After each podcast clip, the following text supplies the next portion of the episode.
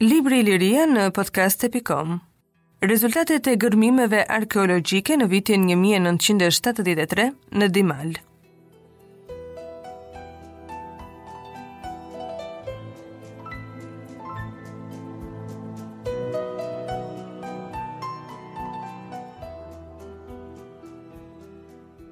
Gërmimet e këtij viti të përqendruara kryesisht mbi kreshtën e Akropolit të qytetit ishin vazhdim i punimeve të ndërmarra në vitin 1971 në Dimal. Ekspedita pati si detyrë të çohej deri në fund në taban, gërmimi i lënë pa përfunduar në vitin 1971. Të përfitoheshin të dhëna të plota dhe të sakta stratigrafike, si dhe të studiohej më gjerë jeta në këtë rajon të qytetit. U arrit të gërmohej një sipërfaqe e re prej 250 metrash katror. Qëllimi i çeljes së këtyre katër kuadrateve të reja ishte që të fitohej një tablo më e qartë e ndërtimeve të vona antike Në këtë sektor, çelja e kuadrateve 30, 31 dhe 32 kishte si qëllim gjurmimin e godinës helenistike dhe njohjen me të dhëna stratigrafike që do të përfitoheshin nga gërmimi deri në taban, si brenda, ashtu edhe jashtë mureve të kthinave. Si rezultat i gërmimeve u përfitua një material i bollshëm arkeologjik i cili ndihmon të sqarohen dhe saktësohen edhe më mirë disa nga çështjet që kanë të bëjnë me lindjen dhe zhvillimin e jetës qytetare, me periudhën e lulëzimit dhe rënies së Dimalit deri në braktisjen e qytetit gjatë pushtimit romak. Duhet thënë qysh në fillim se periodizmi i jetës së qytetit në përgjithësi qëndron ashtu siç është dhënë në botimet e mëparshme nga autori për Dimalin. Korrigjimet e plotësimet që sjellin rezultatet e gërmimeve të këtij viti lidhen sidomos me periudhën e vonë helenistike dhe atë perandorake, ku përpara ishte vënë një farë përzierje e shtresave kulturore. Faktorët e përzierjes së këtyre shtresave janë nga më të ndryshmet dhe kanë vepruar në kohë të ndryshme. Megjithatë, nga një vështrim dhe analizë më e kujdesshme që iu bë këtë vit, materialit dhe veçanërisht të dhënave të reja nga gërmimet, rezultoi se ekzistojnë mjaft elemente datues për vendosjen e një kronologjie më të saktë të shtresëzimeve kulturore. Në gërmimet arkeologjike të këtij viti u vërtetua edhe një herë prania në Akropolin e qytetit të katër shtresave kulturore. Nga të dhënat e reja stratigrafike dhe teknikës së konstruksioneve të gurtë, kemi sot për sot këto periudha të veprimtarisë ndërtuese në Dimal. Periudha e shekullit 4-3 para erës sonë ka të bëjë me ndërtimin e murit rrethues të qytetit dhe të portikut me nishe. Këto konstruksione, për nga zgjedhja e materialit për punimit të mirë dhe vendosjes me kujdes të tij, lidhen me periudhën e parë të ndërtimit dhe fillimin e jetës së mirëfilltë të qytetit. Periudha e shekullit tre dy para erës sonë përfaqësohet nga muri i tarracimit në pjesën e poshtme të qytetit.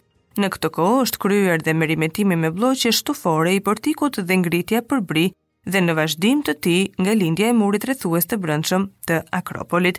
Periudha e shekullit të parë para erës sonë. Me këtë periudhë Lidhet kompleksi i ndërtimeve, rruga, godina helenistike si dhe hajati me kolona të mbështetura në murin e tarracimit. Gjatë kësaj kohe, është bërë edhe meremetimi i qoshes perëndimore të murit të tarracimit së bashku me krahun jugor të tij. Zbulimi i thesarit, mbi shtrojen e hajatit rrëzë murit të tarracimit, shërben nga pikëpamja stratigrafike edhe si tregues për këto monumente. Shënojmë se në konstruksionin e kësaj periudhe vihet re një rënie në mënyrën e të ndërtuarit që dallohet kryekëput nga teknika e përsosur në monumentet e periudhave të mëparshme. Këtë e vërteton edhe ndërtimi i këtyre konstruksioneve me materiale të ripërdorura. Periudha 1-3 e erës sonë Ndërtimet e kësaj kohe janë me metra katrorë të kufizuar dhe përfaqësoheshin nga disa kthina me konstruksione të dobëta muresh. Një tregues kuptimplotë për këtë se në këto konstruksione ka fragmente të ndryshme arkitektonike.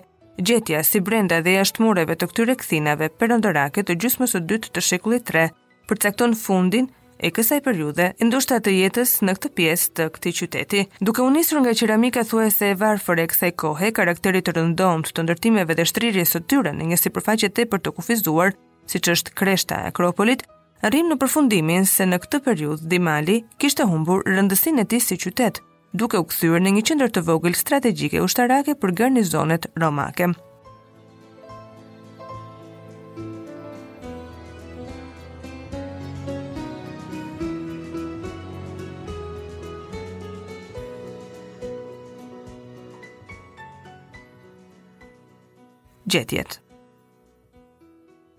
Edhe në gërmimet e këtij viti përsëriten gjetjet e viteve të kaluara. Objektet e shtresës së tretë, që lidhen me periudhën e lulëzimit më të madh social-ekonomik të qytetit, mbizotërojnë në të gjithë sipërfaqen e gërmuar. Në këtë mori gjetjesh, tjegullat formojnë grupin më të madh të qeramikës. Ato krahas larmisë në profilet, dallohen sidomos për vulat epigrafike mbi një pjesë të konsiderueshme të tyre, Koleksionit të vulave epigrafike iu shtuan këtë vit gërmimi edhe katër vula të reja duke e çuar numrin në 26. Gjithashtu nga vulat me emrin Epikad mund të nxjerrim edhe një përfundim tjetër të rëndësishëm, atë që në disa nga punishtet private në Dimal prodhoheshin krahas tjegullave edhe enë të përdorimit të përditshëm shtëpiak. Një grup më vete në prodhimin e qeramikës në shekullin 3 para erës sonë, formojnë edhe enët e përdorimit të përditshëm, pitosat, amforat dhe enët me parete të holla.